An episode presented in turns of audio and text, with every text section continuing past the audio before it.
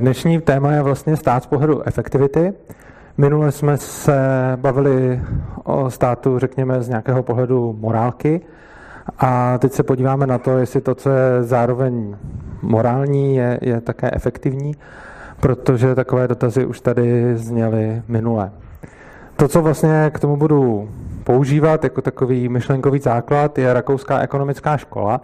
Toho se nemusíte vůbec děsit, protože to nebude úplně přednáška z ekonomie a budu se snažit to podávat takovým nějakým, řekněme, eh, způsobem, který nebude nějaký příliš teoretický. Rozebereme si to na praktických příkladech. Co se týče té rakouské ekonomické školy, tak té bych rád řekl jednu věc. Kdykoliv o tom takhle s někým mluví, tak se mi potom stane, že mi lidi řeknou, no jo, ale vy předpokládáte nějaký taký věci, jako že dokonalou konkurenci a že všichni se budou chovat vždycky logicky a tak dále. Prosím vás, tohle Rakouská ekonomická škola vůbec nepředpokládá, proto ji vlastně i preferuji a ona popisuje lidi takový, jak, jaký skutečně jsou. Takže bych se s váma rád domluvil, protože vždycky, když mi někdo dá potom takovouhle připomínku, tak já se ho zeptám, v čem to předpokládám a většinou úplně neví. Tak když budete mít kdykoliv během přednášky pocit, že předpokládám, že lidi se nechovají jako lidi, nebo že nemají, že se chovají vždycky logicky a podobně, tak si zapamatujte, k čemu přesně to bylo, aby pak, když o tom budeme diskutovat, jste mi to mohli, jste mi to mohli přesně, přesně říct. Takže na začátku se podíváme na nějaké reálné socialistické ekonomiky z minulosti a vlastně i ze současnosti. Ty minulé jsou, řekněme, Československá socialistická republika nebo Sovětský svaz a současně máme docela tvrdý socialismus třeba na Kubě, ve Venezuele a hlavně potom krásné porovnání je eh, ve východním a západním Německu, když se, eh, když se vlastně postavila berlínská zeď a Německo se rozdělilo na dvě, tak předtím tam byla vlastně země, která měla víceméně stejné podmínky, a teď najednou z ní vznikly dvě. V jedné byl socialismus, v druhé byl, nechci úplně říkat kapitalismus, ale méně socialismus. A ty výsledky byly poměrně jednoznačné v tom smyslu, že ta socialistická část, to východní Německo, tam vlastně byli ty lidi chudší, strádali a naopak tom západním se jim dařilo lépe, což je takový vlastně i hezký, skoro laboratorní příklad že vlastně vezmete tu samou zemi se stejnýma tradicema, lidma, hodnotama, teď ji rozdělíte. V jedné půlce máte socialismus a v druhé máte méně socialismu a ono to jedno funguje lépe a to druhé hůře. Takže na základě tohoto všeho a těch, já nevím, front na banány a, a toho, jak, jak prostě neustále nebylo zboží v obchodech a podobně, by někoho možná lákalo říci, že z toho teda vyplývá, že socialismus selhává. Což je částečně pravda, částečně ne. Je pravda, že socialismus mnohokrát selhal a v těch reálných podmínkách, kde jsme to někde viděli a kde se to vyzkoušelo, tak to dopadlo neslavně. Na druhou stranu, jenom na základě toho, že to mnohokrát dopadlo neslavně, pořád nemůžeme jakoby s jistotou říct, že ten socialismus vždycky selže. Protože když vidíte, že se něco desetkrát stalo, tak nemáte nikde záruku, že po jedenáctý to třeba nebude jiný.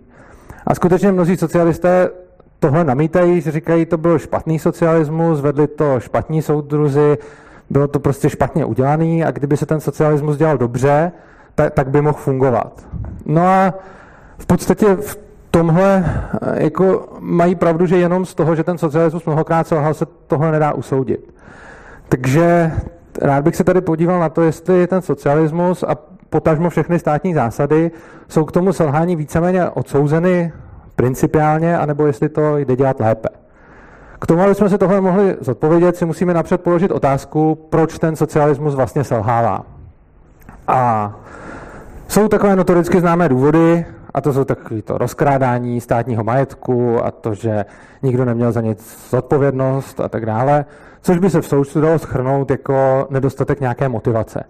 A to je samozřejmě pravdivý důvod a o tom třeba tady v pondělí na své přednášce mluvil Váďa Krupa, který teď sedí tady v publiku. A je to, je to pravda. ta motivace skutečně těm lidem chybí, ono je to logické, protože když si děláte na sebe a když já teď budu prostě pracovat pro sebe nebo vést svoji firmu nebo budu živnostník, tak když teď začnu pracovat dvakrát tolik, tak najednou vlastně si dvakrát víc vydělám a budu se mít dvakrát lépe. Na druhou stranu, když budu v celém tom kolektivu těch pracujících a začnu pracovat dvakrát tolik a všechno se to pak rozdělí rovným dílem, tak si skoro nepolepším. A na tu druhou stranu to funguje stejně, když budu teď záviset sám na sobě a začnu se flákat a moje produktivita klesne na polovinu, tak uh, najednou najednou prostě se mám špatně, když to v tom velkém kolektivu se to spíše ztratí. A tyhle ty důvody, a to rozkladání, to je to samé. Prostě nikdo nemá, každý má větší motivaci udržovat si svoje, než nějaké státní nebo kolektivní.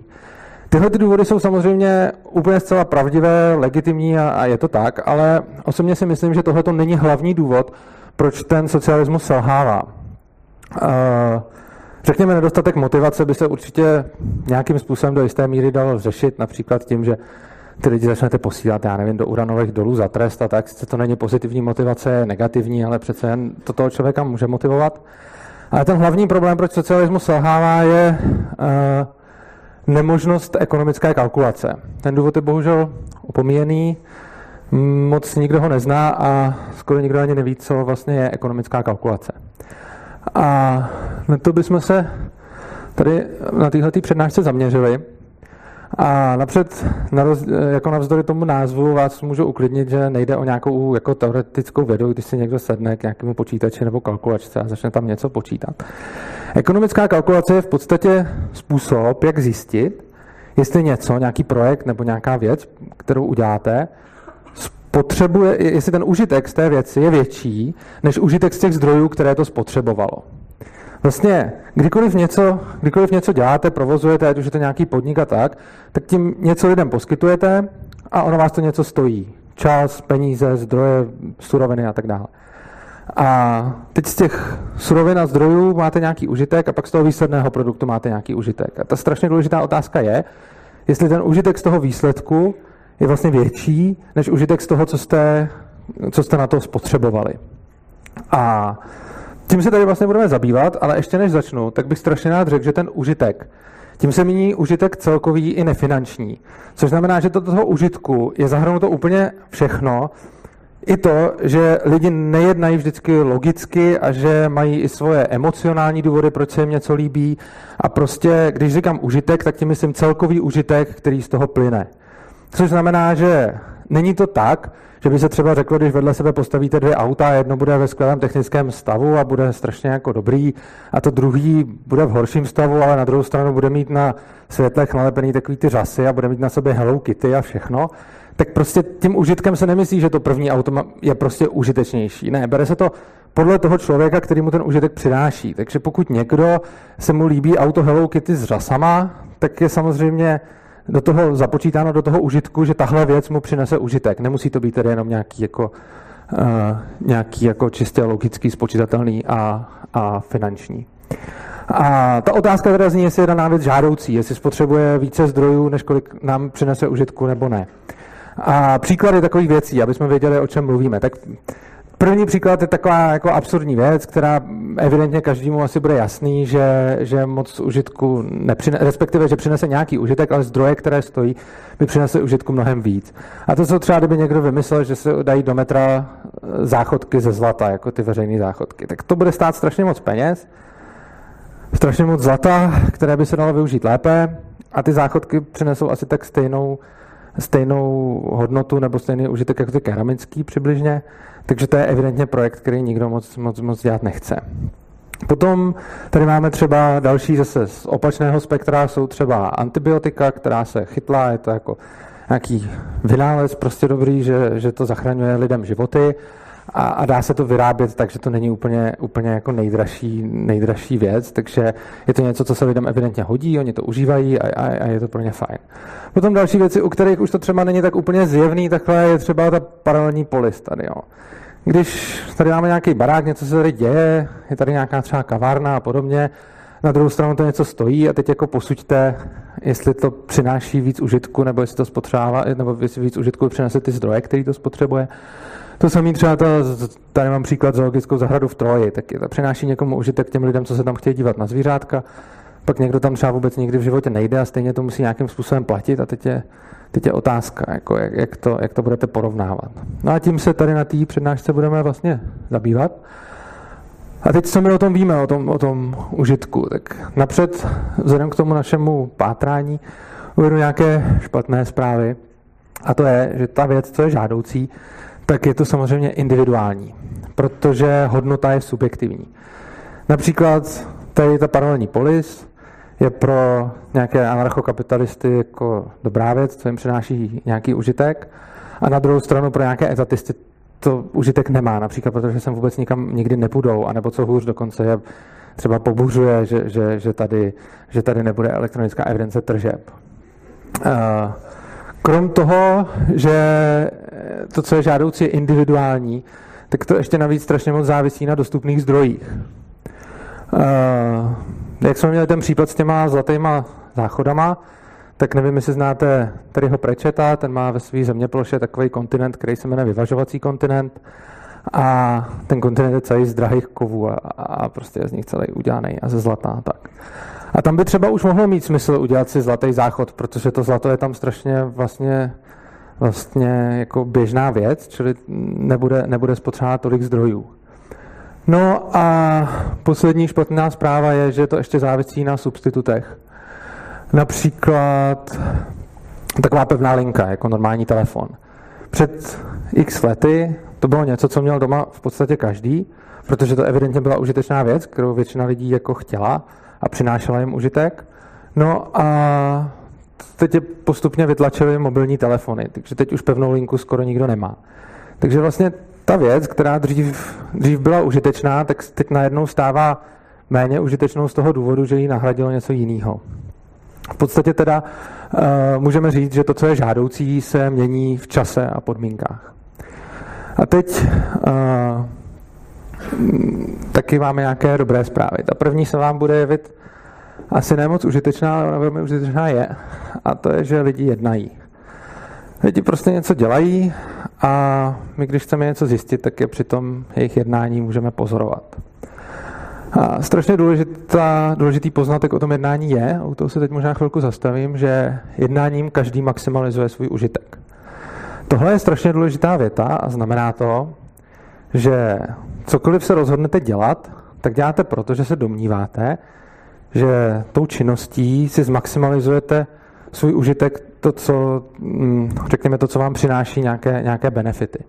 Opět se vracím k tomu, ty benefity nemusí být vůbec nějaký logický ani finanční, můžou to být benefity, které vám plynou čistě z nějakých emocí, můžou to být benefity úplně, úplně vlastně čehokoliv, můžou to být benefity z nějakého kulturního prožitku nebo, nebo z úplně čehokoliv. A je vlastně to, že vy jste třeba teď přišli na tuhle přednášku, tak tím demonstrujete svou preferenci, že ten čas, který teď, teď máte, tak vlastně momentálně je pro vás tou nejvyšší prioritou, maximalizovali jste si užitek tak, že momentálně jste tady. Kdyby to tak nebylo, tak jste někde jinde. Stejně tak já tady přednáším, je to momentálně, tím si maximalizuju svůj užitek, protože kdyby, kdyby mi více užitku teď přinášelo dělat něco jiného, třeba psát nějaký článek, tak tady nejsem, ale píšu ten článek. A tím se dostávám k tomu, že každý člověk má nějaký, prosím vás, implicitní, jako není nějak explicitně, že by se ho ani musel uvědomovat, že bříček nějakých svých hodnot subjektivních a vždycky se chová tak, aby ty věci které jeho užitek maximalizují více, které jsou pro ně užitečnější, preferoval před těma, které, eh, které ho obohacují méně. A tím se dostáváme k další, strašně, dalšímu strašně důležitému závěru a to, že dobrovolná směna je vždycky výhodná. Dobrovolnou směnou myslím to, když jsou dvě strany, které nikdo k ničemu nenutí, Oni znají podmínky nějaké vzájemné transakce, kterou můžou provést a obě dvě ty strany s tou transakcí souhlasí. Například, když si něco od někoho kupujete, nebo něco s někým vyměníte, nebo třeba někomu něco dáte. Každá z těch stran se něčeho vzdává a něco získává. Přičemž zajímavé na tom je, že obě dvě na tom vydělají. A to proto, že evidentně pro každého platí, že ten užitek, který má z toho, čeho se vzdává, pro něj je logicky menší než užitek z toho, co získal. Kdyby to tak nebylo, tak to prostě nevymění. Jo? A tohle to platí i ve věcech, kde by to intuitivně se zdálo, že, že to třeba platit vůbec nemusí. A to jsou například takové věci jako charita. Když jdu a dám peníze na charitu, tak se dá říct, že jsem nedostal vyměnou vlastně nic, jenom jsem se vzal těch peněz. A dalo by se říct, že jsem se o něco jako ochudil. Ale tak to není. Z toho důvodu, že já tím, že jsem na tu charitu přispěl, demonstruju svoji preferenci, že zbavit se těch peněz je pro mě výhodnější, než si je nechat. Kdyby to tak nebylo, tak to neudělám. Je to pro mě výhodnější, protože si z toho kupuju nějaký třeba dobrý pocit. Například, že někomu pomůžu a mě to udělá radost. Jinými slovy, každou transakci, kterou udělám, i tu, kde nedostanu nic zpátky, o tím můžu prohlásit, pokud jsem ji udělal dobrovolně a nikdo mě k ní nedonutil, že jsem si tím polepšil. Jo, když, když vím, co, co dostávám a vím, čeho se vzdávám, tak pokud to dobrovolně udělám, tak jsem si tím vždycky, vždycky polepšil. Takže o těch věcech, které jsou ty výhodné, užiteční a žádoucí, teda víme, že dávají více užitku než zdroje, které spotřebovávají. A navíc jsme ale zjistili, že ten užitek je subjektivní. Což ale nevadí, protože není třeba tyhle ty rozhodnutí dělat nutně centrálně. Není třeba se centrálně rozhodovat o tom, kde, kde co postavíme, kde co bude, kde se bude provozovat jaká služba. Tohle si může každý rozhodnout sám a každý se právě pomocí těch dobrovolných směn může rozhodnout, čeho se vzdá a co naopak za to získá. Já bych teď uh, vám položil jednu takovou otázku, než půjdu dál, protože to, k čemu teď půjdeme, je jeden z hlavních bodů téhle přednášky. Tak aby jsme věděli, že se rozumíme. Uh, jestli je každému jasný, že všech, ne všechno, z čeho máme nějaký užitek, je žádoucí. Například, uh, my tady teď máme takovouhle statickou kameru, která mě, která mě natáčí a my bychom tady mohli mít, kdybychom si to zaplatili, štáb špičkových nějakých režisérů a kameramanů a zvukařů, kteří mě budou natáčet mnohem líp než tahle ta statická kamera. Rozhodně bych z toho měl víc užitku a bylo by to lepší. Na druhou stranu by to stálo tolik peněz, že, že by to ve výsledku bylo jako špatně, protože ty zdroje, který bych v tom utopil, nebo který by v tom polis utopila, se dají, se dají využít lépe. Takže bych se chtěl zeptat, jestli je tady mezi váma někdo, kdo by si vlastně myslel, že, že, že to tak není. Kdo by, jestli tady je aspoň jeden člověk, který si myslí, že když už z něčeho mám nějaký užitek, tak to automaticky znamená, že to je žádoucí. Je tady někdo? Ne, super. Což mimo jiné znamená, že existuje takový oblíbený argument, když třeba řeknete, že nechcete něco dotovat nebo financovat, třeba typicky se tohle bere potom u nějakého umění nebo u něčeho takového, tak lidi často argumentují tím, no ale to by se dotovat mělo, protože to přináší XY, prostě nějaké, nějaké benefity. Tenhle argument sám o sobě, a to vyplývá z toho, že jsme, na čem jsme se tady teď shodli, je úplně špatný, protože jenom proto, že to něco přináší, to ještě neznamená, že to je dobře. Ono to musí zaprvé přinášet, ale to, co to bude spotřebovávat, musí být méně cené a pak až je to výhodný.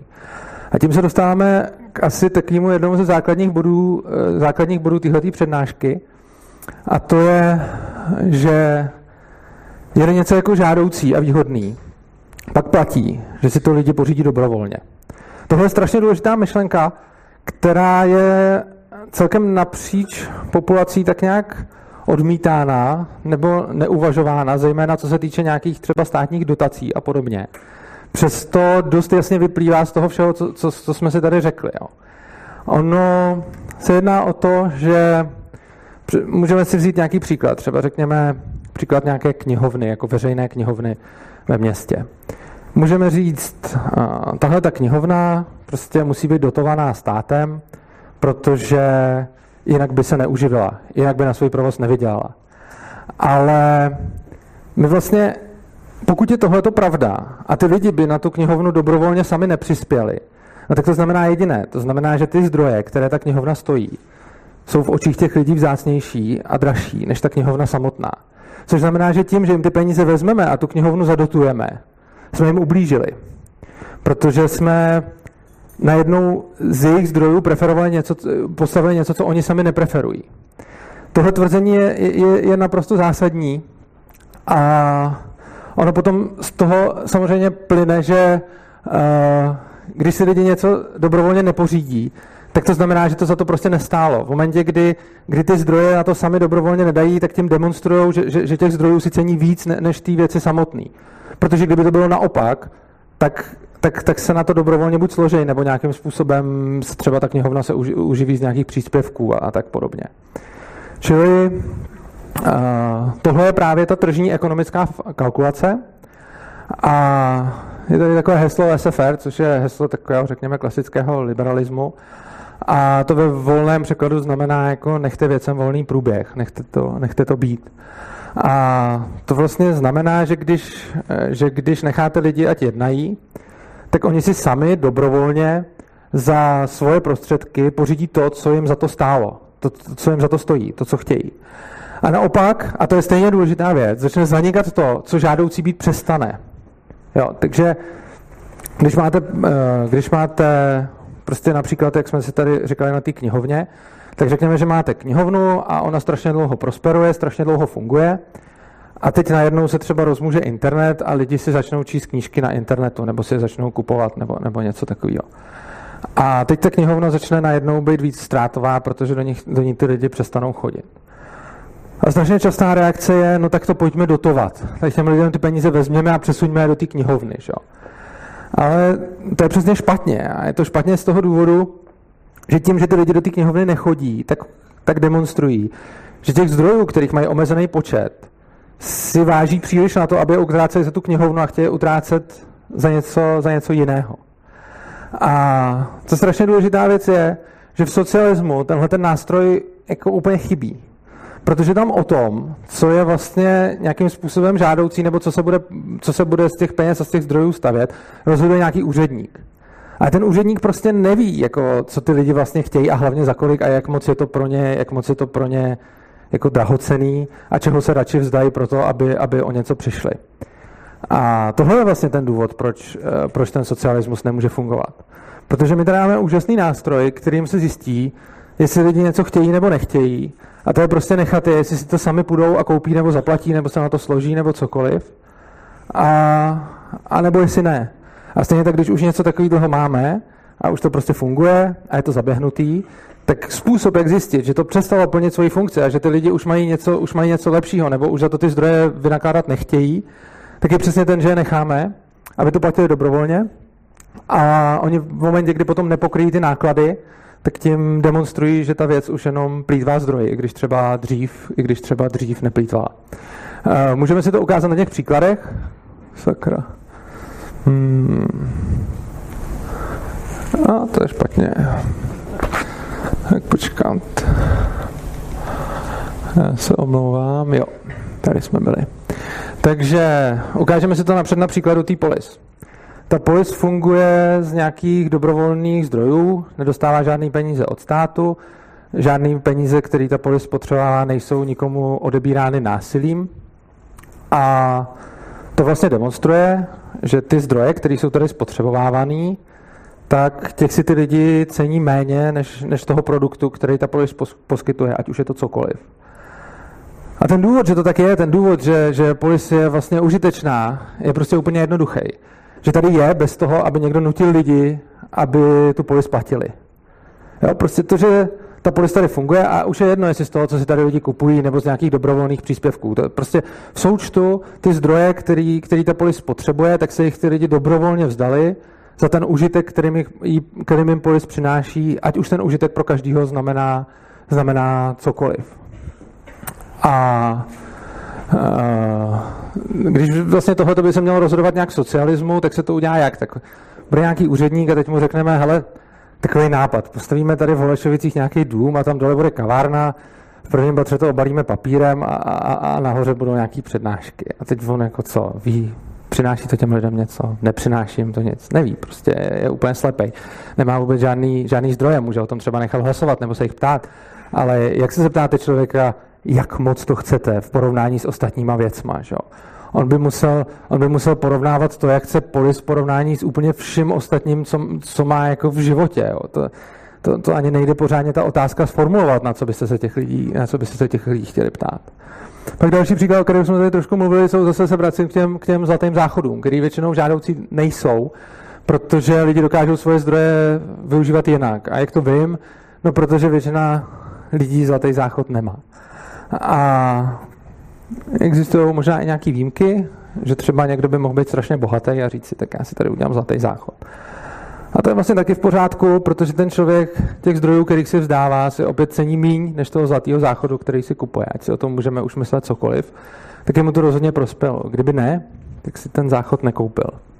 A takový člověk může být například nějaký špičkový fotbalista, který má mraky peněz a oproti němu je nějaký hasič, který zachraňuje životy a těch peněz má mnohem míň. A tohle to bývá strašně taková oblíbená výtka, že prostě lidi říkají, podívejte se, v jaký žijeme hrozný společnosti. A jsou tady ty hasiči, kteří zachraňují životy a mají málo peněz a na druhou stranu ten fotbalista, který jenom kope do míče, tak, tak je strašně bohatý. A jak to? A jak to, že je to nespravedlivý? No a teď jako čem to vězí? No tak první věc je, že ten hasič sice přináší hrozně moc užitku například tomu, komu zachrání život, na druhou stranu ten fotbalista, těch lidí je pár, kterých ten hasič zachrání, nebo jako pár, ono jich může být i hodně, ale rozhodně jich nebude tolik, kolika lidem přinese užitek ten fotbalista. Na druhou stranu asi tak nějak cítíme, i když to nevíme úplně jistě, že ten fotbalista nejspíš toho užitku přináší já teď se zdráhám říct méně, protože to takhle nejde s jistotou říct, ale prostě těm mnoha lidem, jako když vám někdo zachrání život, tak je to pro většinu lidí asi lepší, než když se na někoho podíváte, jak hraje v televizi prostě fotbal.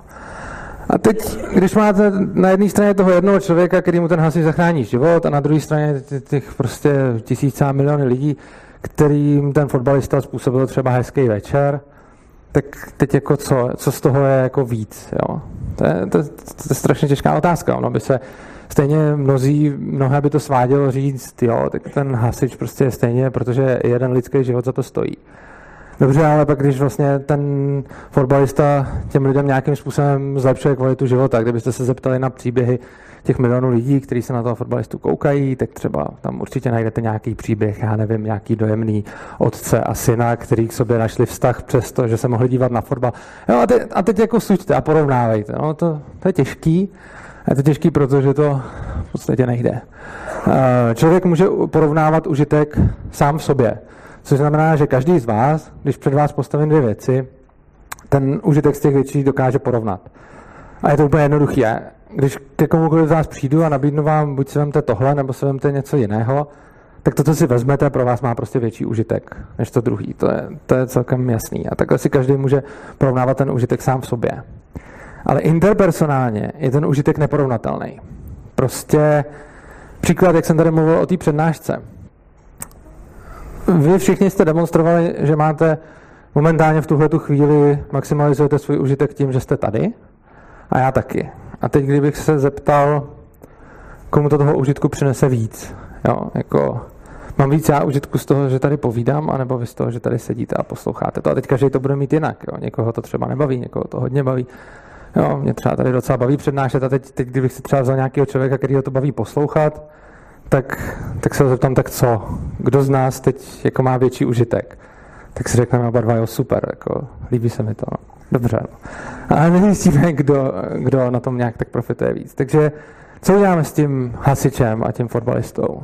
No, je to opět laissez-faire a znamená to, nechce ty lidi bejt, ať si platí ty hasiče a ty fotbalisty po svém.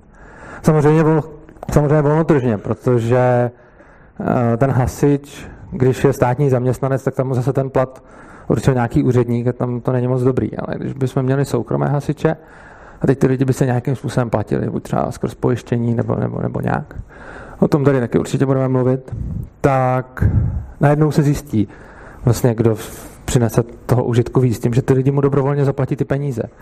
Takže, takže nějaký fotbalista, který mu ty lidi jsou ochotní platit obrovské sumy a, a on má bambiliony peněz, tak to znamená, že ty lidi evidentně všechny potěšil a že ty lidi si všichni radši vzdali ty svojí, já nevím, kolik dali za lístek, já třeba na fotbal nechodím, tak prostě nějakých stovek nebo tisíců, co dají za lístek, tak se vzdají radši, než aby tam, aby tam nešli a vzali se toho prožitku, který jim ten fotbalista, ten fotbalista zprostředkuje. A s tím hasičem je to úplně to samý. Což znamená, že vlastně ty, ty, to, kdo je jak bohatý na volném trhu, samozřejmě pokud neuvažujeme nějaký jako lupiče a tak, který si to stejně jako třeba stát vezmou násilím, tak kdo si vydělá víc tím, co dělá, tak je, tak je vlastně pro ty lidi užitečnější, protože oni sami demonstrují, že, že toho, čeho se dobrovolně vzdají, má pro ně menší cenu, než to, co jim ten člověk za to poskytne. Uh, což mě přivádí k vlastně strašně důležité věci a to je, to je nějaké krachování. Jo. Jako, to je vlastně očistný proces. My když mluvíme o tom, že něco zkrachuje, tak je to většinou hodnocený, jako, že to je strašně špatně. Jenže ono bez toho krachování by to tak úplně nešlo, protože by jinak nebylo jak poznat, kdo vlastně ten svůj biznis nebo to, co dělá, dělá líp. Takže když máte nějakou firmu, která funguje a vydělává si, je v plusu, tak to znamená, že ten produkt, který poskytuje těm lidem, má pro ně větší hodnotu než to, co spotřebovává, ty zdroje, který nakupuje k tomu, aby fungoval. A v momentě, kdy to tak být přestane, tak ta firma začne být v červených číslech a má možnost buď nějakým způsobem změnit svůj business model, aby zase fungovala, anebo zkrachovat. A v momentě, kdy my do té krachující firmy začneme třeba lít nějaký peníze, opět, který jsme těm lidem násilím vzali tím státem a teď je, a teď je začneme strkat do té do krachující firmy, tak v tom okamžiku v tom okamžiku se dopouštíme toho, že těm lidem říkáte, i když říkáme, i když tohle to nepreferujete, tak to stejně musíte platit. I když vám to za to nestojí, stejně to musíte zaplatit. Jo, tam si můžete představit například eh, firmy, které který, nebo v továrny, které mohly zkrachovat nebo se museli změnit v reakci na nějaký, na nějaký vývoj doby. Takže třeba určitě před nějakými stolety nebo tak byly určitě populární, já nevím, cylindry. A hodně chlapů si nakupovalo cylindry, protože to tehdy bylo v modě. A tehdy určitě byla, byla větší potřeba, nevím, továren na cylindry, než je teď. A potom, když se ta móda změnila a chlapi ty cylindry přestali nosit, tak eh, tyhle ty fabriky začaly tím pádem logicky nějak třeba krachovat. A kdybychom tehdy vzali ty peníze těm lidem a narvali bychom jim do té firmy a řekli jsme, nesmí to zkrachovat, někdo by přišel o práci a musíte vyrábět ty cylindry a budeme vám je dotovat, tak, tak co bychom tím vlastně způsobili? No, způsobili bychom tím to, že bychom ty lidi donutili si platit něco, co, co vlastně nechtějí, co jim, co jim za to, co jim za to nestojí. A to mě přivádí k takové otázce, jako třeba kolik má být správně učitelů nebo něčeho takového, to, jo, že, že prostě vlastně nevíme, kolik, kolik má být čeho v momentě, kdy to není, kdy to není, kdy to není na volným, kdy to není jako volnotržně, volnotržně daný. A v tom socialismu se přesně, nebo já říkám socialismu a myslím tím i ty socialistické části současného státu, takže třeba máme pořád ještě socialistické školství, zdravotnictví a podobně. A tam vlastně není úplně jasný, kolik má být správně, já nevím, třeba těch učitelů, je těch nějaký počet, ale víme, je to, je to jako hodně, je, je, to, je to málo, chtějí to tak ty lidi, nechtějí to tak ty lidi, prostě to nějak uděláme a teď jako můžeme přibližně sledovat, co, co ty lidi na to a můžeme to nějak upravovat, ale vlastně jediný způsob, jak zjistit, čeho si lidi vlastně cení, je nechat, nechat, je, nechat je udělat sam, samotný, nechat, nechat si kupovat, co chtějí. A to je vlastně ten důvod toho selhávání socialismu. Ten úředník prostě neví líp než my, co my chceme.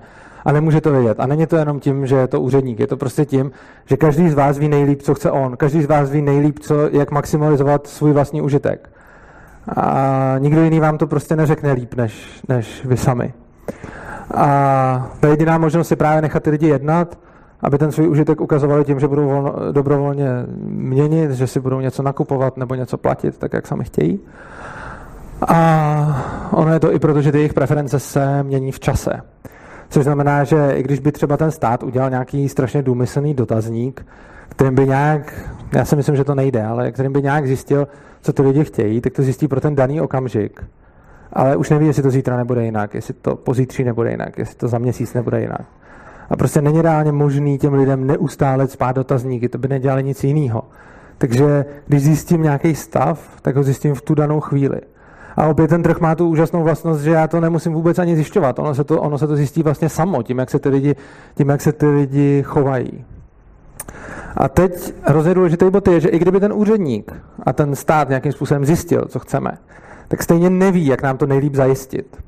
Tohle je mimochodem něco, co se ve vysvětlování ekonomické kalkulace používá většinou a co najdete ve většině libertariánských eh, knížek a co vám řekne většina libertariánů, Já radši začínám z té druhé strany, že ten úředník to nemá jak zjistit, ale většinou se mluví o tom, že to nemá jak, že to nemá jak zajistit, i kdyby věděl, co chceme. Například si představme úředníka, který zjistí, že lidi chtějí, že nějaký město, kde ten úředník rozhoduje, a teď on zjistí, že lidi chtějí, aby tam přes řeku stál most. No a teď to ví, že to strašně moc chtějí a ty lidi jsou za to ochotní jako třeba i hodně platit, no, nebo něco, tak to prostě nějak, řekněme, že to nějak magicky zjistil. A teď se bude rozhodovat, z jakého materiálu já ten most nechám postavit. A teď jako ví, že to může být ocelový most, může to být dřevěný most, může to být kamenný most, cokoliv.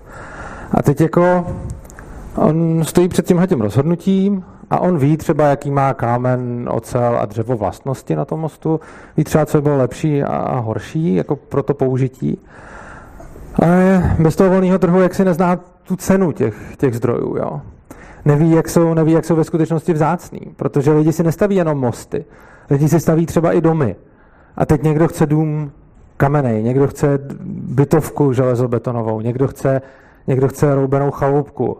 A teď na to spotřebuje ty samý, ty samý zdroje, co, co na ten most. A teď on má ten úředník nějakou kopu zdrojů, o který má rozhodnout a teď ví, že z toho má postavit spoustu domů a třeba nějaký most. A teď co s tím udělá a jak zjistí, jaký materiál použít na co. Jako na co on se bude ptát těch lidí? Chcete radši dřevěnou chalupu nebo radši dřevěný most? A teď oni mu třeba řeknou v nějakém dotazníku, co chtějí, ale už tam nějak nevyjádří, jak moc to chtějí. Jako, to už by pak byla otázka, jako, o kolik více chcete dřevěnou chalupu, než nechcete dřevěný most a tak podobně. A teď to, to jsou jakoby dva, jo, teď, teď si uvědomte za prvý, že teď se ptám jednoho člověka a bylo by dost těžký z jednoho člověka vytáhnout a musel bych tím strávit nějaký čas. Jestli bych chtěl radši prostě kamenný most a o jak moc bych chtěl radši kamenný most, teď dům a most to jiný, jiný počet zdrojů, tak i jako jednoho člověka, aby to posoudili, je těžký se ho zeptat. Teď já se musím ptát úplně všech těch milionů lidí. A teď i kdybych to ze všech vytáhl, tak to pak ještě ty odpovědi musím nějakým způsobem agregovat jako do sebe. Jako prostě to musí zapadnout. Jako o kolik víc ten jeden chtěl eh, třeba kamenný most, než chtěl kamenný dům. Jo. A teď ještě pořád to není všechno, protože i kdyby jsme tohle vyřešili, tak jsme si vyřešili jako dva statky. Mosty a domy. A teď si vemte ty miliony věcí, které ty lidi potřebují. A vemte si, co všechno si z toho dřeva a kamene a železobetonu a všeho můžou, můžou ještě stavět. Jo. Takže se musíte ptát vlastně milionů lidí na miliony statků, oni je mezi sebou musí nějak porovnávat. A nejenom sestavit jejich jako škálu, co je chtějí, ale ještě jako o kolik by víc chtěli co. A tohle celý musíte zagregovat dohromady a před tímhle tím problémem stojíte. A to prostě je problém celkem neřešitelný a ten trh nabízí neuvěřitelně elegantní způsob, jak to vyřešit. Prostě nechá ty lidi, ať si kupují to, co chtějí a oni si nakoupí ty domy, tak jak chtějí a to, jak se nakoupili ty domy, tak určí nějakou cenu toho kamene, nějakou cenu toho dřeva. A teď najednou už máme pro ten most jasnější vstupy. Najednou už vidíme, že ten kámen stojí X a dřevo stojí Y a už si můžeme prostě porovnat, jak moc je to, jak moc je to pro ty lidi vzácné. A tohle je vlastně problém, kterýmu se samozřejmě úplně čelí v tom, v tom těžkém socialismu, ale pak jsou ještě další formy socialismu, to je třeba ten, co tady máme teď. To je taky částečný socialismus. Například některé odvětví jsou relativně volnotržní, některé odvětví jsou méně volnotržní, některé odvětví jsou víceméně plně socialistické. Takže tady máme třeba nějaký socialistický zdravotnictví, máme tady nějaký socialistický školství, pak tady máme nějaký třeba potravinářský průmysl, který je sice nějak regulovaný, ale už je, už je jako víc volnotržný. Máme tady nějaký zemědělství, který je dotovaný, ale taky tam platí nějaký jakýsi volný trh. A ty problémy, které tady vidíme, tak se v těch jednotlivých odvětvích vyskytují tak moc, jak moc je to odvětví jako socialistický. Takže ono je potom strašně zajímavé se třeba podívat na to, jak to tady vypadalo před rokem 89 a že prostě byl problém v dodávkách zboží, byl, byly čekací listy na úplně všechno prostě. Ten stát nedokázal pořádně zajistit to, jak se třeba, nevím, vyráběly auta, ledničky a, a prostě v krámech nebyl ten hajzl papír furt a ty vložky. A, a tyhle ty všechny věci prostě tehdy fungovaly blbě. A pak v roce 89, mimochodem, ještě tehdy se vedly diskuze o tom, i když na tom západě už to fungovalo, tak se tady mnozí lidi báli, já jsem to teda Já jsem tehdy už žil, ale byl jsem na to ještě moc malý, ale když jsem se potom díval zpětně do různých zdrojů a na různé třeba televizní vystoupení a podobně, tak se ty lidi reálně báli, jako když necháme to potravinářství nebo ty obchody, když necháme lidem, jako aby si, aby si to sami volnotržně zařídili, co když pak nebudeme mít co jíst?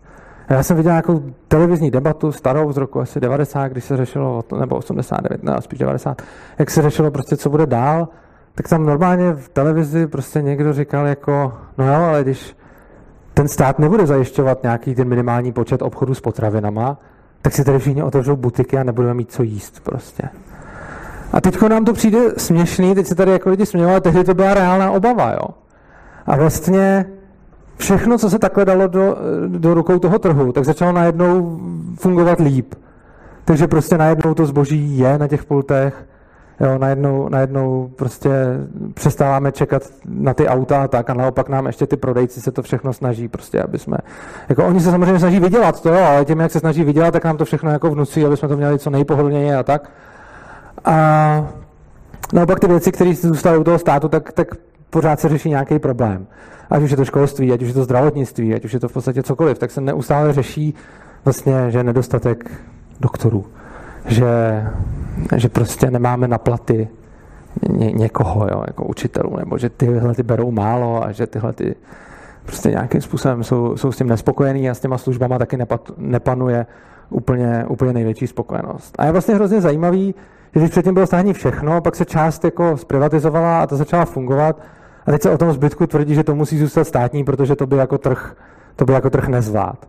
Ona je potom otázka, když ten stát nedokáže ani dodat do toho krámu ty hajzl papíry na, na ten daný počet těch lidí, tak jak mu pak můžeme svěřit něco takového, jako je třeba vzdělávání jako dětí, jo? Prostě vemte si složitost toho problému, že na jedné straně máte vyprodukovat toaleťák, dodat ho do krámu a víte, kolik lidí ten toaleťák tak nějak bude si kupovat. Tam nebudou nějaký moc velký výkyvy v tom, kolik si kupoval. A, a stejně tohle ten stát nezvládnul. Jo, prostě v tomhle ten socialismus selhal. Prostě takovýhle úkol nedokázal. A teď si ne, a to je jako jasně měřitelný, dá se to spočítat, dá se vidět ten výsledek, všechno se to dá vidět a, a fail. No a teď řekneme dobře, tak tohle to teda necháme na tom trhu ale vzdělání dětí to nemůžeme, protože to je jako moc důležitý. Jo, vidíte v tom ten rozpor, jako to vzdělání dětí, u kterých se nedá jako to nějak moc kvantifikovat, u kterých je to daleko problematičtější úloha, než dodat hajzl papír. A, a to je najednou jako problém řešit tržně a, a, a věříme, že ten stát to nějakým způsobem, že ten stát to nějakým způsobem vyřeší. Uh, co se týče toho, co jsem tady říkal, tak je strašně důležitý k tomu užitku. Já vím, že už jsem to několikrát nakous, ale já bych to fakt rád zopakoval znova, že ten užitek není jenom nějaký finanční nebo logický a podobně. Do toho užitku je opravdu zahrnuto úplně všechno. Jo, ten užitek, co nedokáže porovnat ten úředník a co se dokáže porovnat na tom trhu, tak on zahrnuje všechny hodnoty jako nějak, řekněme, nějaké třeba kulturní dědictví nebo takové ty těžko uchopitelné věci jako krása umění a podobně. To je všechno do toho, do toho užitku zahrnuto tím, že vlastně necháváte na těch lidech, kteří o to mají zájem, aby se rozhodli, co to pro ně osobně znamená. Jo? Těžko ten úředník posoudí, jak je cený nějaký obraz, protože to je strašně subjektivní. Ale tím, že necháte ty lidi, aby si ten obraz koupili, tak tím vlastně vyjádří v té svojí cenové nabídce, vyjádří i tu emocionální cenu, který pro ně třeba ten kus umění nebo ta, ta historická věc jako má. A tohle je strašně důležité si uvědomit, že vlastně tahle ta práce s tím, s tím užitkem a všechny tyhle, ty, tyhle ty myšlenky, který, který, jsem tady, který jsem tady jako uvedl, berou na zřetel eh, vlastně potřeby těch lidí, kteří nejsou jenom změřitelný, ale který ty lidi cítí jenom vlastně sami v sobě. A vlastně tím, že nejsou změřitelný a tím, že mi řeknete, ale lidi vždycky nejednají logicky, oni mají taky emoce, oni mají taky potřeby, které se nedají změřit, no tak přesně tímhle tím nahráváte právě tomu trhu a ne tomu státu. Protože ten stát, aby zjistil, co se má dělat, to musí napřed nějak změřit, nějak, nějak kvantifikovat.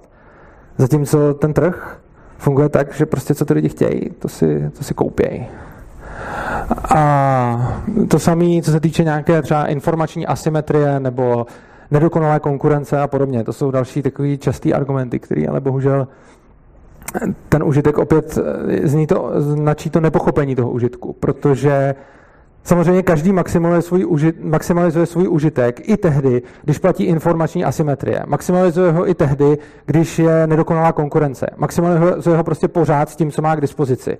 Jo, to platí vždycky. To nemá žádnou jako podmínku, že by, to, že by ten člověk musel všechno znát a tak. Prostě každý máme nějaký neúplný informace o světě a na základě těchto ne, neúplných informací jednáme tak, aby jsme maximalizovali svůj užitek. A to je to, co nám vlastně říká ta rakouská ekonomická škola. Já bych tady rád řekl, že jsme probrali jenom úplný základy a strašně moc v kostce. Uh, určitě budete mít mnoho jako otázek, které se vám během té přednášky možná v hlavě objevily, protože to, co jsem tady říkal, samozřejmě není, není úplné. A pro ty, které by to opravdu zajímalo, tady mám dvě knížky, které bych doporučil. Uh, první je od Ludwiga von Misese a Ludwig von Mises napsal knížku Human Action, což je něco, co tohle, co jsem tady říkal, vysvětluje mnohem líp. Jediný problém je, že je to asi tak takováhle bychle. A není to úplně nejčitanější. Já jsem si to třeba tu četbu toho docela užíval, ale na druhou stranu já jsem taky matfizák a jsem v tomhle trošku divný. A myslím si, že pro úplně tolik lidí by to asi nebylo úplně nejzáživnější čtení. Takže trošku jako čtení, kdyby mohlo být trošičku stravitelnější, je Mary Newton Rosbart napsal knížku Power and Market a ta je vlastně o něčem velmi podobném, jenom není podaná takovým úplně suchým vědeckým způsobem, je to trošku čitelnější. A stejně to není úplně asi jako taková nějaká beletrie před spaním. A k té rakouské ekonomické škole bych ještě rád dodal nějaký její milý interpretace. Občas lidi říkají, že třeba předpokládáme takzvaný model homo economicus, což znamená člověk, který se vždy chová ekonomicky. Jo. To, a tohle přesně mě vždycky napadne, že je, že je dost absurdní, když mi tohle někdo vyčítá, protože přesně ten Mízes se proti tomuhle tomu strašně vymezoval. A strašně mu to vadilo, když se používal tenhle ten, tenhle ten model člověka. Protože to, s čím pracuje rakouská ekonomická škola a ten užitek bere v úvahu reálné lidi se svými potřebami a emocemi, které třeba nejsou úplně vyčíslitelné. A další výtka, který občas jako čelím, je třeba, že je to sociální darwinismus. A prostě to, to taky není ono, protože my jenom necháváme tu třeba dobročinnost a pomoc silnějším, silnějších slabším na tom, aby ty lidi pomohli sami a dobrovolně, aby k tomu nikdo nenutil. A oni opět budou pomáhat tou pomocí, taky maximalizují svůj užitek. Když dáte peníze na charitu, tak můžete říct, to je jako nelogické jednání, ale ono není. Ono vy vlastně něco dáte a něco za to získáváte. A evidentně to, co získáváte, má pro vás větší hodnotu, jinak byste se ničeho nevzdali. A to je vlastně asi všechno, co jsem dneska chtěl říct. Já bych tedy na ten závěr Eh, schrnul ty nejdůležitější myšlenky té přednášky. První myšlenka je, že když eh, není, jakože když eh, je žádoucí, aby něco existovalo, tak si to ty lidi koupí. Což platí úplně pro všechno. A vysvětlili jsme si to tady a tenhle ten argument je vlastně skvělým argumentem proti veškerým dotacím, proti veškerému přerozdělování, když prostě vezmou nějaký peníze a dají se na nějaký projekt. Co si ty lidi nepořídí, to evidentně není žádoucí, protože jim to za to nestálo. A poslední strašně důležitá věc, že bez toho volného trhu není možná ta ekonomická kalkulace. To jsme si tam vlastně ukazovali. A je to o tom, že žádný úředník, žádný stát nedokáže zmapovat potřeby těch lidí a následně jim je splnit tak, jako když se to nechá na těch lidech. A to je tedy pro dnešek všechno a ještě bych vás pozval na příští přednášku, která bude tentokrát až za čtyři týdny. Za dva týdny 28. prosince není, protože je to mezi svátky, takže bude další přednáška až 11. ledna. A na té přednášce si povíme o penězích a povíme si o frakčním bankovnictví. Frakční bankovnictví je určitě zajímavá věc, ale já bych vás hlavně, hlavně chtěl nalákat na ty, na ty peníze, o kterých si budeme povídat. Protože bych tady rád mluvil o, řekněme, hlavní funkci peněz, kterou si většina lidí úplně aktivně možná neúplně uvědomuje. A já musím říct, že v momentě, kdy jsem si o tom poprvé nějakým způsobem přečet a nějak jsem se do toho víc zahloubal a když jsem to pochopil, tak mi to přišlo úplně fascinující. A poté, co jsem vlastně tímhle tím nějak prošel, tak považuji ty peníze za jeden z největších eh, vynálezů lidstva, protože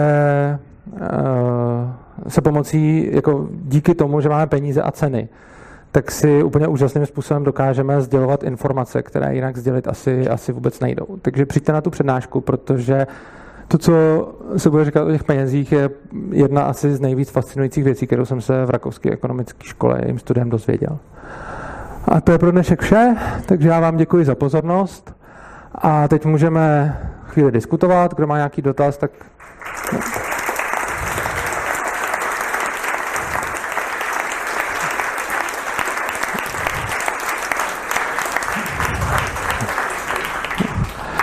Tak kdo má nějaký dotaz, tak ho může položit teď s mikrofonem, prosím, a za nějakou čtvrthodinku nebo tak se přesuneme dolů do Bitcoin kavárny, kde můžeme, kde můžeme v diskuzi pokračovat. No, přesně tak. Eh, ještě jednou díky Urzo za tady tu přednášku. A teď vzhledem k tomu, že někteří z vás možná už sebou rozutíkat, eh, tak bych vás chtěl poprosit eh, o dobrovolný příspěvek na konání tady té přednášky. Najdete tady QR kódy eh, na dveřích, u dveří, dole v kavárně, eh, všude možně, tam můžete poslat nějaký bitcoiny. A dneska máme takovou eh, vánoční jakoby překvapení. Kdo pošle víc než nějakých 2,5 bitcoinů, což je asi 50 korun, tak si mili bitcoinů. Ale můžete i 2,5 bitcoinů. Jako uh, horní limit není jo, na, uh, na dary, tak si můžete vzít takový odznáček. Hodně lidem se líbí ta grafika, kterou používáme na, na, ty, na ty eventy, tak jsme udělali odznáčky právě s tou grafikou, tak kdo pošle příspěvek, tak si může vzít. Nějak to kontrolovat nebudem, ale věříme vám, takže tam je miska s odznáčkama, můžete si vzít. A teď už je čas na dotazy. Tak... A než vyjde mikrofon, tak bych vám ještě chtěl poděkovat, že vás přišlo tolik. Já jsem to nečekal, ale je tady víceméně v podstatě tolik lidí jako minulé a jsem rád, že zase přednáším pro nějakých 150 lidí, což je, což je super.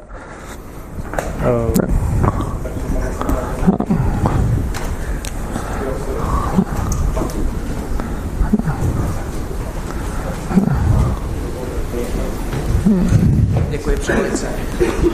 A jo, jsem slyšet, paráda. Já vás zdravím.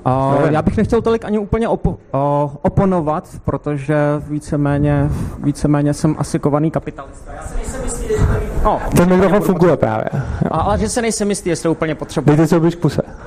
My nahráváme, on je potřeba, protože nahráváme. Jo, jo, nahráváte. Dobře, já mám takovou otázku, protože byste tam narážel na to, že to, co není vlastně nejenom jako tržní prostředí, ale celkově, to, co není potřeba, vlastně jakoby zmizí. Já, já tady mám takovou trošku ďábův advokát, si zahraju to. No to je nejlepší. Do paráda, toho. paráda, tak to s vámi taky souhlasím, to se mi líbí. Uh, já si třeba například nesouhlasím z jednoho prostého důvodu, protože například nejsem si vědom toho, kdo by třeba stál o parazitaci, než třeba například parazit samotný. Přesto, přesto to tady jako ve společnosti, zejména jako by dneska, měli jsme tady prostě třeba například prostě po 89. prostě nějaký polistopadový prostě režim, snažili jsme se tady prostě nastavit nějakým způsobem prostě kapitalismus, do nějaké míry se to asi povedlo na chvíli. Ale víceméně socialismus nám prostě jakoby vrací a tak dále. Tak mě by zajímalo, jakoby, co byste jakoby řekl jakoby v tom, tom ohledu. Já vám děkuju, to je super dotaz a teď si uvědomuji, že jsem se možná nevyjádřil přesně, takže já vám dám v podstatě za pravdu tím něco, co se vyplatí, jsem nemyslel jev ve společnosti, jako třeba parazitismus nebo něco takového. Tím jsem myslel konkrétní projekty, jako například, já jsem to tam uváděl na těch všech příkladech, čili je to třeba ta polis, ta knihovna, já nevím, ty hasiči, ten, ten fotbalista, prostě všechny ty, jako ty konkrétní věci a projekty, nějaká, myslel jsem tím prostě firmy, myslel jsem tím, já nevím, divadla, eh, nějaký prostě kina, všechny takovéhle věci, tak o těchto těch jsem mluvil. Rozhodně si nemyslím, že když se nechá tržní ekonomická kalkulace, tak ze společnosti vymizí všechno negativní, co v ní je. Jako takových myšlenek jsem velmi dalek a moc se omlouvám, že jsem to, že jsem to nespecifikoval lépe. Skutečně máte pravdu, ze společnosti nevymizí negativní jevy. Pouze zkrachují nebo se neuživí negativní, řekněme, projekty, které, konkrétní projekty, které spotřebovávají nějaké, nějaké zdroje. Jo, paráda, paráda. Děkuji za odpověď. Můžu mít ještě jeden malinký dotázek? No, Smím? bude Smím? rychlej. Bude rychlej. Uh, další věc, tak třeba takový jako typický příklad, tak teď třeba tady máme takovou dost jakoby zelené šílenství a já tam zase narážím na tu věc, že jste třeba hodně jste narážel na dotace a tak dále, já tohle to třeba například plně chápu, ale jeden z takových jevů, uh, třeba například, když si představíme společnost, teď máme zelenou společnost, třeba chce zakázat auta a nám tady asi zaniknou prostě nějaký fabrikový třeba dejme tomu, kdybychom to nahnali do, do extrému, Celá společnost se rozhodne, že přestane jezdit autama do doby, než zmizí totálně z trhu, udělá se nějaká zelená demolice všeho možného, tak prostě technického porce pokroku, vrátíme se na stromy a potom třeba za 20 let si bude myslet, že, že to chceme naspátek, ale fabriky budou dávno zrezlé, třeba ve stylu poldrovky. To třeba byla no. taková narážka třeba i na privatizaci, která sice proběhla, já už ale nemyslím si, že byla jo. úspěšná. Jo, já se omlouvám, že vás také utnu, ono ještě se tady hlásil někdo, tak aby jsme... Uh, ano, jenže problém toho zeleného šílenství je v tom, že ono není volnotržní. To není volnotržní zelený šílenství, kdy se ti lidi nějakým způsobem dobrovolně rozhodnou, že by někdo třeba, když nechce, aby někam jezdili auta, tak to místo koupil a potom si tam nastavil své pravidla. Tohle je přesně to, co dělá ten stát a je to přesně na úrovni toho, že násilím něco někomu vezme nebo něco někomu zakáže. Takže prostě tohle zelené šílenství je přesně ukázkou toho opaku než toho volného trhu. Prostě na volném trhu zelené šílenství by nejspíš nebylo a kdyby bylo, tak takový, s kterým ty lidi souhlasí, souhlasí a jsou ochotní do toho dávat vlastní zdroje. Momentálně zelené šílenství probíhá tak, že o tom rozhodují lidi za cizí zdroje, za cizí peníze a omezují cizí lidi pomocí státního násilí. Takže to je asi tolik k tomu dotazu. Teď tady byl nějaký další. Jo. Eh, dobrý večer. Dobrý večer. Děkuji za skvělou přednášku. Eh, hrozně se mi líbilo pár věcí, konkrétně po, po dlouhé době jsem slyšel někoho otevřeně říct, že zdravotnictví a školství je socialistický a že to je špatně. To, to je jako obrovská věc, to, to si člověk v novinách nepřečte. Eh, já bych tam chtěl teda jenom takovou jakoby malinkou poznámku, nejmi úplně jasný, jak to teda uh, řešit jako do budoucna, i když teda souhlasím s tím, že ten stav, který je eh, vyhovující, není.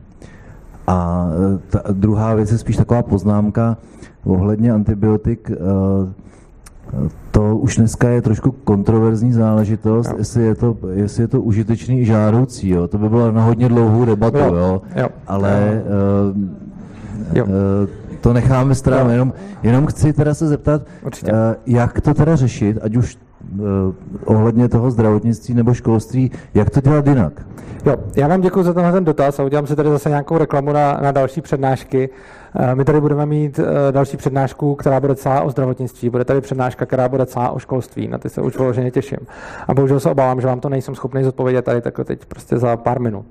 Ale rozhodně choďte na ty přednášky dál. A, a určitě slibuju, že se o zdravotnictví a školství tady určitě budeme bavit. Rozhodně budu věnovat jednu celou přednášku školství a jednu celou zdravotnictví. A ještě bych chtěl poprosit, kdyby se hlásili s otázkami, teď to vypadá, jako kdyby tady všichni se mnou souhlasili, ale ono zdaleka se ne všichni přihlásili, že by byli libertariáni a tak. Tak bych poprosil o nějakou drsnou kritiku třeba někoho, kdo je vyloženě socialista nebo levičák, nebo No ne, vy se, vy se smějete, ale já, já, já nechci, jakože já děkuji za ty vstupy, ale rád bych tady měl někoho, kdo mi bude tvrdě oponovat. Ahoj, uh, tak ja som mal na vysokej škole 5 rokov anarchokapitalizmu, takže by som tu ani nemusel byť, ale, ale mám nejaký dotaz, keď to trochu posunieme, tak v anarchokapitalistickej spoločnosti budeme žiť v komunitách alebo v veľkých komunitách, v rámci nejakej agentúry, ktorá nám bude poskytovať nejaké služby, ktoré dnes voláme verejné služby dajme tomu, hej. Takže vlastne vo vlastníctve agentúry bude aj ulica a, a vlastne čo, čo budú ponúkať tieto agentúry, ktoré budú buď, buď sa budú prelínať alebo, alebo budú definované teritoriálne, budú ponúkať uh, tieto služby a budú ponúkať vlastne, budú fungovať na trhu spolunažívania. Uh, v ktorej komunite sa mi najlepšie žije, tam pôjdem, áno. A chcem sa opýtať, keď som to tak teraz takto posunul, Chcem sa opýtať, aká by mala byť reakcia toho manažéra tej agentúry na situáciu, keď uh, vedľa máte nie slobodnú, nie anarchokapitalistickú spoločnosť, ale nejakého diktátora, ktorý vás chce zničiť. Dobrá. Uh, to, a ešte po prípade možno ešte nejaká, nejaká doplňujúca vec. Uh, predstavte si, že príde obrovský počet uh, imigrantov. Jo. A, a jasné, uh, klasický argument je, že ja ho nepustím ja na môj pozemok, e, nepustím ho na môj pozemok, no tak bude vedľa. Lenže no. vedľa je tá ulica, kterou vlastní ta agentura a tak dále. Tak to je tak nějaký... Já bych tady zase, teď se budu, možná už mi to trochu trapné opakovat, na toto téma tady budu mít celou přednášku. Ale tentokrát už aspoň odpovím, abych se necítil úplně špatně.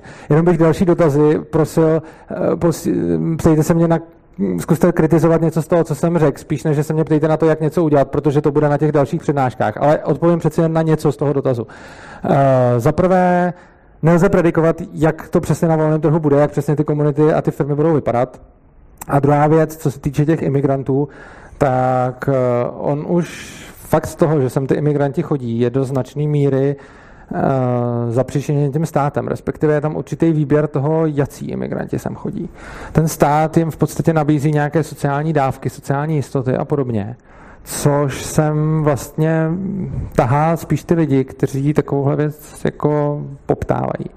Na druhou stranu na volném trhu by pravděpodobně neříkám, že by sem nechodili, oni by sem určitě chodili, ale museli by něco produkovat na to, aby se uživili a nikdo by jim třeba nedával ty sociální dávky a pak by ty imigranti vůbec nemuseli představovat ani problém, pokud samozřejmě jiná věc je, když by byl nějaký ten vojenský konflikt, a to tady budeme řešit. A dokud se nejedná o to, že by šli prostě v tancích, ale dokud sem prostě jdou jako takhle ty lidi, tak eh, by ty imigranti vůbec nemuseli problém představovat, protože by se do té společnosti museli zapojit z toho důvodu, že jinak prostě pokud jim nikdo nic nedá, tak oni nebudou mít co jíst a, a tak podobně. A oni to by je donutilo prostě třeba pracovat a něco dělat, samozřejmě, pokud by měli zájem o nějakou protihodnotu. Takže tam pán se hlásil s tím, že má nějakou, nějakou kritiku. Tak... Ano, ano, já mám takovou jednu kritiku. Vy jste tady říkal takové věci, jako že ideální ocenění něčeho přináší trh. Problém je v tom, že úplně ignorujete faktor času, protože jsou věci, které se projeví jenom po určitý době. Například, když máme mír, nepotřebujeme armádu. Když jsme všichni zdraví, zdá se, že je zbytečný základní výzkum, který zkoumá třeba nějaký perspektivní léčiva. Ale problém je, že v teprve v okamžiku, když budeme reagovat na nějakou momentální situaci, skončíme v maléru. Prostě když se budeme připravovat s léčivy, až epidemie vypukne, máme problém. Nebo když se bavíme třeba o té armádě, klasický příklad, rusko-japonská válka 1905, Rusko začalo schánět lodě teprve v momentě, kdy zjistilo, že je opravdu potřebuje a nikdo jim nechtěl prodat. Ale to znamená, že prostě nemůžeme určovat věci jenom podle toho, co zrovna potřebujeme, nebo co si zrovna myslíme. Jasně.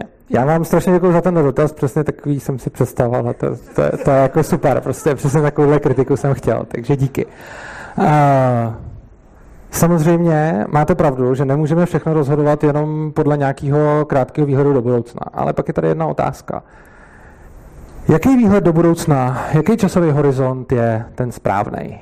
Jo? Teď jako, já když to vezmu na těch extrémech, jak jste říkal, prostě buď se nebudeme dívat do budoucna vůbec a budeme prostě to úplně ignorovat a pak najednou přijde válka, nemoc, něco. A druhá možnost je, co bych vám teď tady oponoval, jako že vlastně ten stát to dělá blbě, nebo ten trh by to taky dělal blbě, protože já bych rád plánoval na tisíc let dopředu. Jako. A teď jako vidíte, že to je absurdní, jako asi plánovat teď na tisíc let dopředu, protože to nejde, protože na to nejsme dostatečně vyvinutí. A ono obecně platí, nechci říkat, že to tak vždy, ale obecně existuje určitá korelace mezi tím, jak se máme dobře a na jak dalekou budoucnost můžeme myslet. Pokud budeme někde křováci, kteří nemají pomalu co jíst, je jim zima, žijou někde na stromech, tak náš výhled do budoucna bude tak na další den, aby jsme měli co jíst a aby nám nevyhasnul ten oheň. A rozhodně nelze říct, že by to bylo špatně. V momentě, kdyby ten křovák, který má teď problém s tím ohněm a tak, začal řešit, co když za deset let přijde epidemie a věnoval by do toho ty zdroje, protože těch zdrojů je omezený počet, tak by možná daleko spíš umřel. A teď v té naší společnosti je to vlastně úplně stejně. My, my jsme dál než ten křovák technologicky, takže můžeme si plánovat na delší budoucnost dopředu. A teď je otázka na jakou budoucnost dopředu, jo? co je rozumný. A to je samozřejmě pro každého člověka jiný, protože můžete mít člověka, který třeba má rakovinu a ví, že za měsíc umře, tak pro něj není tak dobrý plánovat úplně dopředu. Pak máte člověka, který naopak třeba má silný rodinný cítění a chce, aby přežili jeho potomci a podobně, tak ten plánuje dopředu. A máme takovou obrovskou tendenci tvrdit, že ten, kdo plánuje dopředu, to dělá dobře a ten, kdo plánuje jakoby jenom krátkodobě, to dělá špatně. Tohle není úplná pravda. Ona Ono prostě v momentě, když už to zase přeženete a budete plánovat moc dopředu, tak už je to taky špatně. A teď ten trh, on neohodnocuje to, on, on zahrnuje to, že pro člověka má něco nějakou cenu, tak to zahrnuje to, jaký on má sám, jaký on má sám obavy z budoucnosti. Což znamená, že jedna možnost je, že těm lidem seberete ty peníze a řeknete, tady budete sponzorovat výzkum tohohle toho léku nebo armádu nebo něco.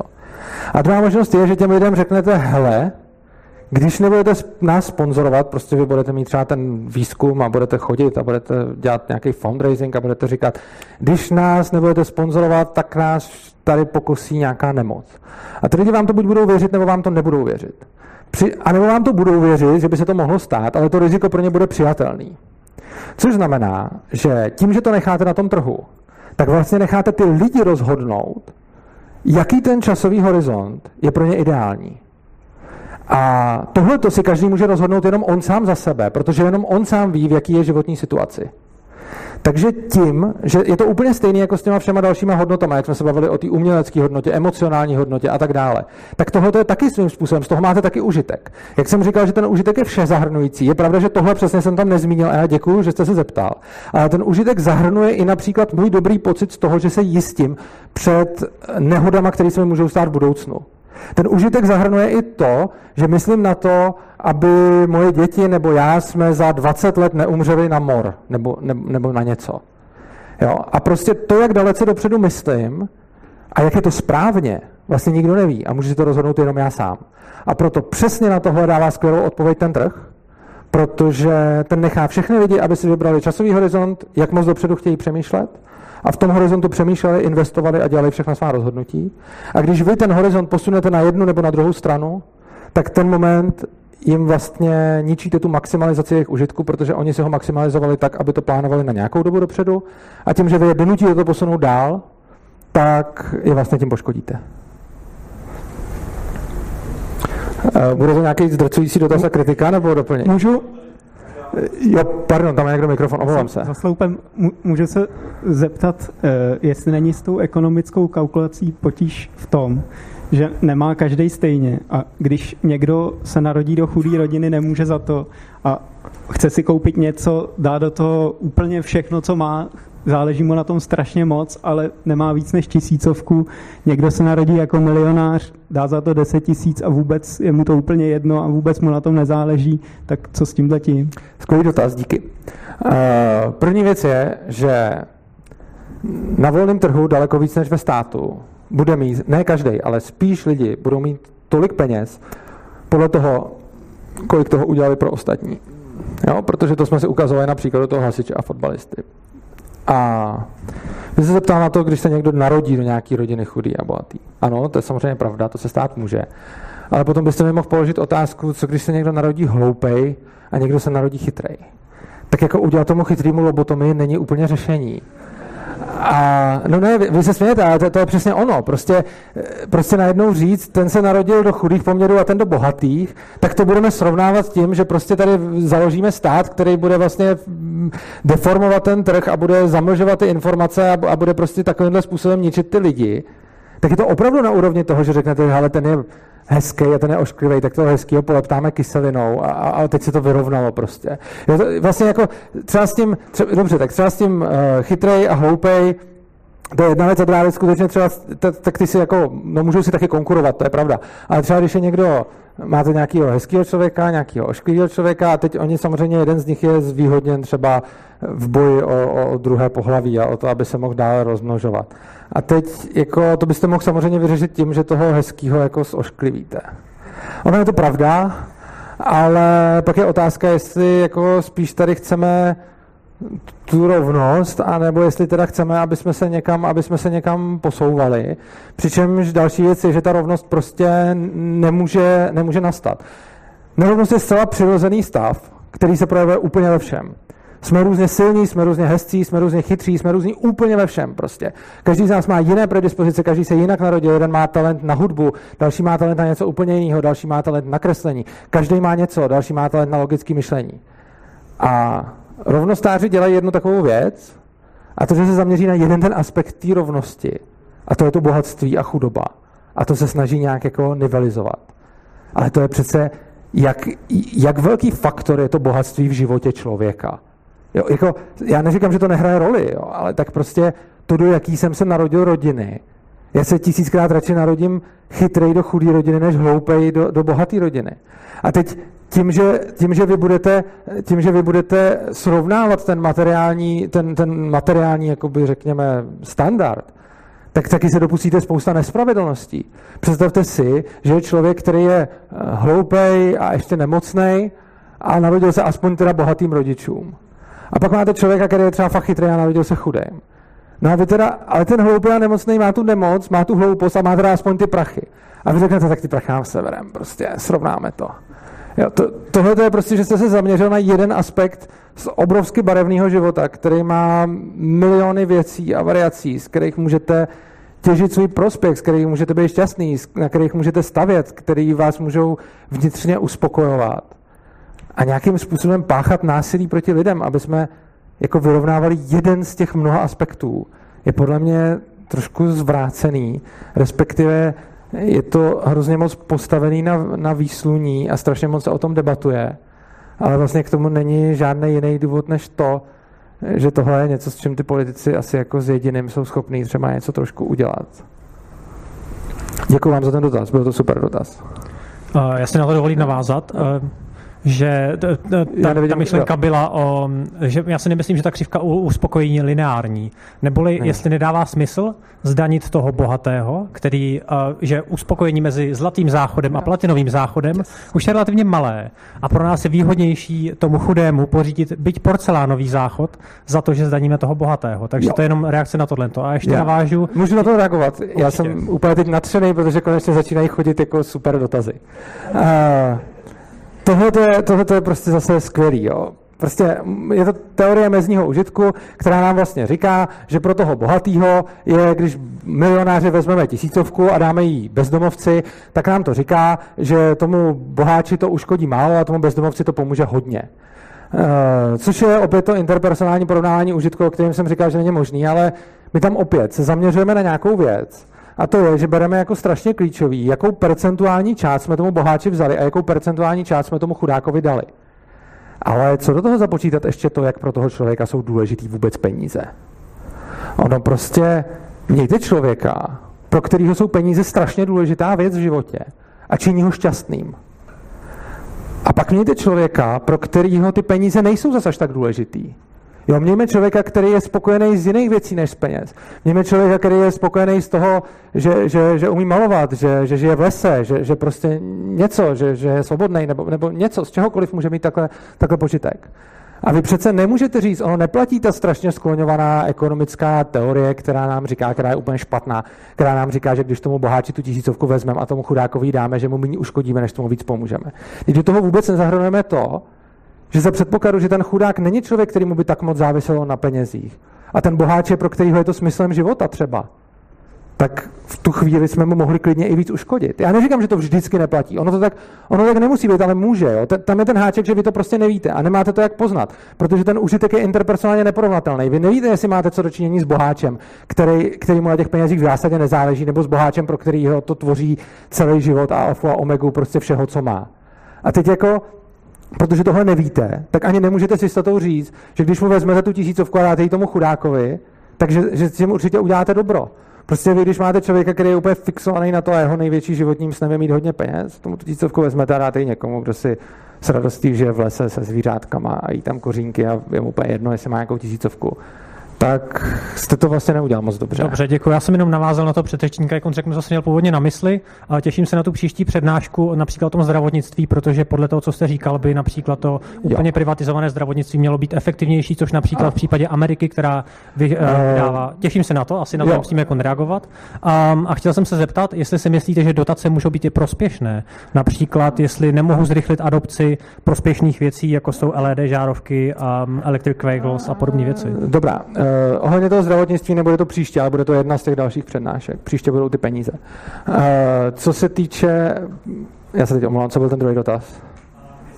Uh, jo, jestli může být dotace prospěšné. Ano. Uh, tady záleží, jak si definujeme prospěšné. A je to ta otázka, kterou jsem dával do publika. Z dotací lze samozřejmě pořídit něco, z čeho ty lidi budou mít nějaký užitek. Ale to ještě samo o sobě nestačí, aby jsme řekli, že je to prospěšný. Já prostě určitě by bylo prospěšný tady mít ten štáb těch kameramanů, který mě tady budou natáčet a potom si to dám na internet a budu mít tam hrozně hezký video, na který se mi koukne o něco víc lidí. Ale bude to stát moc peněz, jo. A teď jako pro mě to samozřejmě bude, jakoby dá mi to víc užitku, než, než ta statická kamera, o tom jsem tady přesně mluvil. Ale ono to stálo o mnoho víc nákladů, jo. A já určitě, kdybych se tady spolu domluvil a řekl jim, hele, dám vám tady 20 tisíc a když mi tady zařídíte takovýhle štáb, tak mě asi nahrajou. Že? Ale pro mě má těch 20 tisíc prostě větší cenu než, než ten rozdíl. Takže vy můžete dát na něco dotace, ta věc může přinést i dobré věci, ale prostě pokud to není věc, kterou by si ty lidi koupili i bez těch dotací, tak tím, že si ji bez těch dotací nekoupí, dávají najevo, že ta hodnota těch peněz nebo těch zdrojů na to spotřebovaných je pro ně vyšší než hodnota toho, toho cílového statku, který jim za to poskytnete. Protože kdyby to tak nebylo, tak uh, by si to koupili dobrovolně. Já bych se chtěl zeptat na v úzovkách veřejný zdroje typu vzduch, půda, voda, mm-hmm. který podle jako dnešního paradigma některý jde vlastnit, ale nikdo se o ně nějak jako nezasloužil, tak proč by je zrovna ten, který člověk měl vlastnit? Nejsem si jistý, jestli to přímo patří do dnešní přednášky. No, úplně to nepatří, my zase tady o tom budeme mít přednášku. Ale dobře, tak já vám dám strašně krátkou odpověď, která bude velmi neúplná a, a jenom spíš takový navnazení na někdy. Uh, to, jak se stanete vlastníkem něčeho, například nějakého kusu půdy, je prostě ne, promiňte, to když tady řekl, tak se, tak se do toho strašně, tak se do toho strašně, tak se do toho strašně zapleteme. Já se omlouvám, já tu, otázku, já tu otázku nechám na jindy, protože teď jsem si to připravil v hlavě a jenom jsem viděl, že už jenom to bude 15 minut, co to budu říkat, tak se nezlobte, já se omlouvám. Takže spíš bych poprosil o dotazy, spíš než jak by se něco udělalo, protože to tady budeme všechno řešit na to, s čím nesouhlasíte a co jsem říkal špatně. Tady ty tři dotazy, jak do mě šily, byly úplně skvělý. Eh, tak někomu někdo dejte mikrofon. Já bych si chtěl zeptat, když takhle uh, ten užitek jako to eh, lidstvo se maximalizuje, když se tomu nechá volný průběh, tak jak je možné, že jsme se vlastně dostali do tohohle z toho systému, když tady byl prostě volný průběh při té evoluci hmm. a nakonec nám tady skončilo tohle státní zřízení? Jo, protože to všechno, celá ta, celá ta, tohoto jsem tady v podstatě říkal, ale vlastně děkuji, že to můžu ještě zdůraznit. Celá tahle ta teorie, to je maximalizace užitku, ta má jednu, tu, jednu podmínku, která je strašně důležitá. Já jsem ji říkal na začátku že dobrovolná směna je výhodná, ale nikoli v taková, který někdo někoho donutí násilím. Což znamená, že tohle to, co všechno, co jsem říkal, o tom, jak to skvěle funguje, o té ekonomické kalkulaci, platí do momentu, než někdo někoho začne násilím nutit, aby se nějakých statků vzdával, než tam, než tam přijde ta, ta dotace, než tam přijde to, že ten majetek vezmou a dají ho jinam. V tomhle okamžiku se to vlastně začne lámat a začne být problém.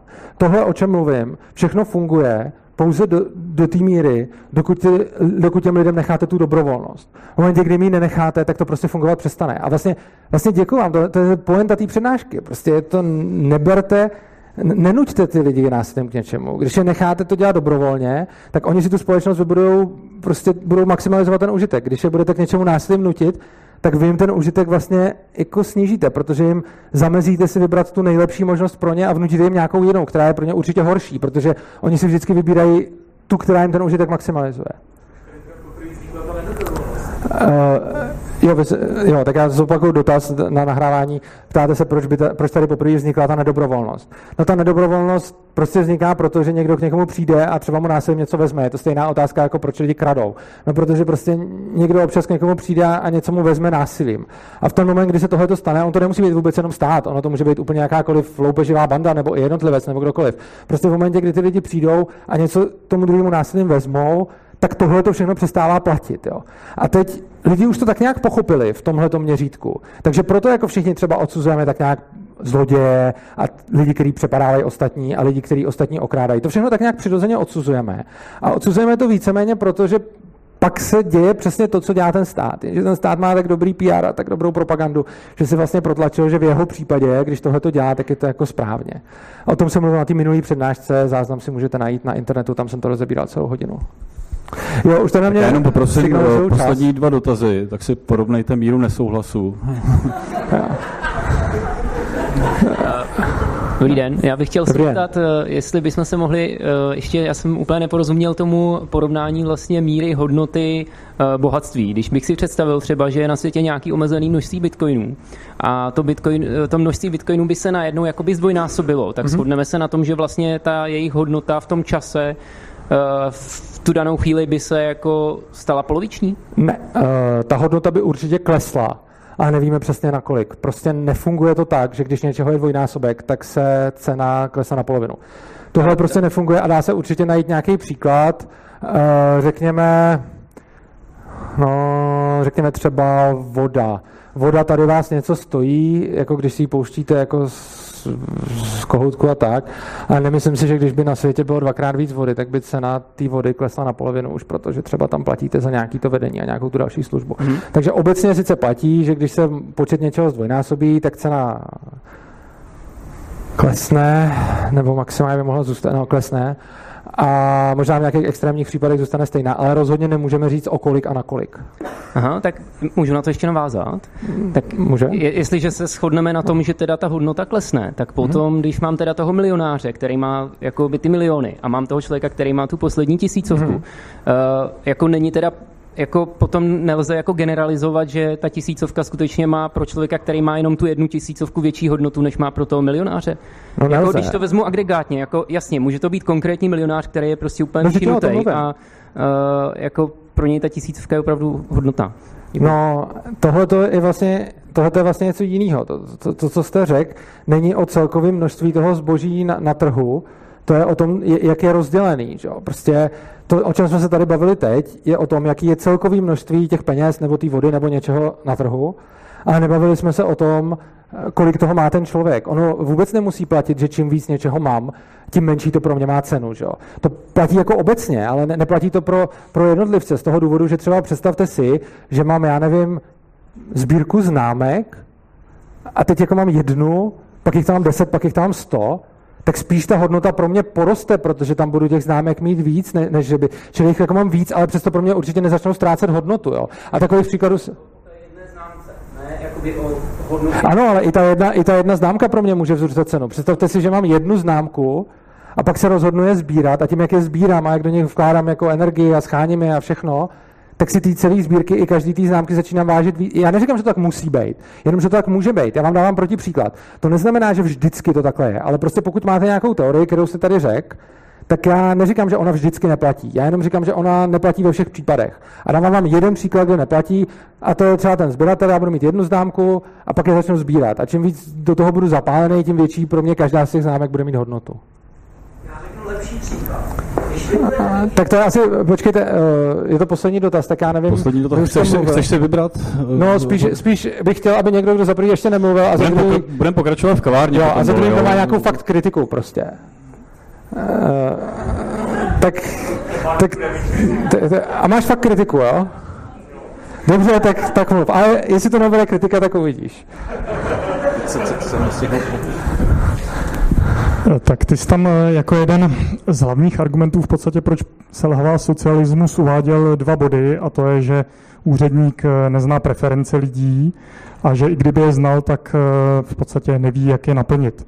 Ale tady tu znalost nemá a priorně ani podnikatel, tu nemá nikdo, takže tady ten argument sám o sobě prostě neobstojí. Neobstojí, ale obstojí společně s těma dalšíma argumentama a to, že těch podnikatelů je hodně a ten, kdo tu znalost má, tak ten na tom trhu bude prosperovat a ten, kdo tu znalost nemá nebo ji má špatnou, tak bude ztrácet. Jo, to je, je to vlastně pravda, on to, on to nikdo neví, on to neví ani ten úředník, ani ten podnikatel. Rozdíl je v tom, že ten úředník, když se mílí, tak to nějak nezjistí, protože všechny ty peníze bere těm lidem násilím. A nedostane se do stavu, kdy prostě začne krachovat, protože když začne krachovat, tak může prostě zvýšit daně nebo, nebo prostě něco. Ten podnikatel za předpokladu, že nebere ty zdroje lidem násilím, tak to úplně stejně jako ten úředník taky neví ale pak těch podnikatelů je tam tisíc a z těch podnikatelů to 100 bude vědět a ty se poznají podle toho, že vydělávají a 900 to vědět nebude, nebo jakýkoliv jiný počet, to jsem si teď vymyslel. A ty se poznají podle toho, že budou ve ztrátě.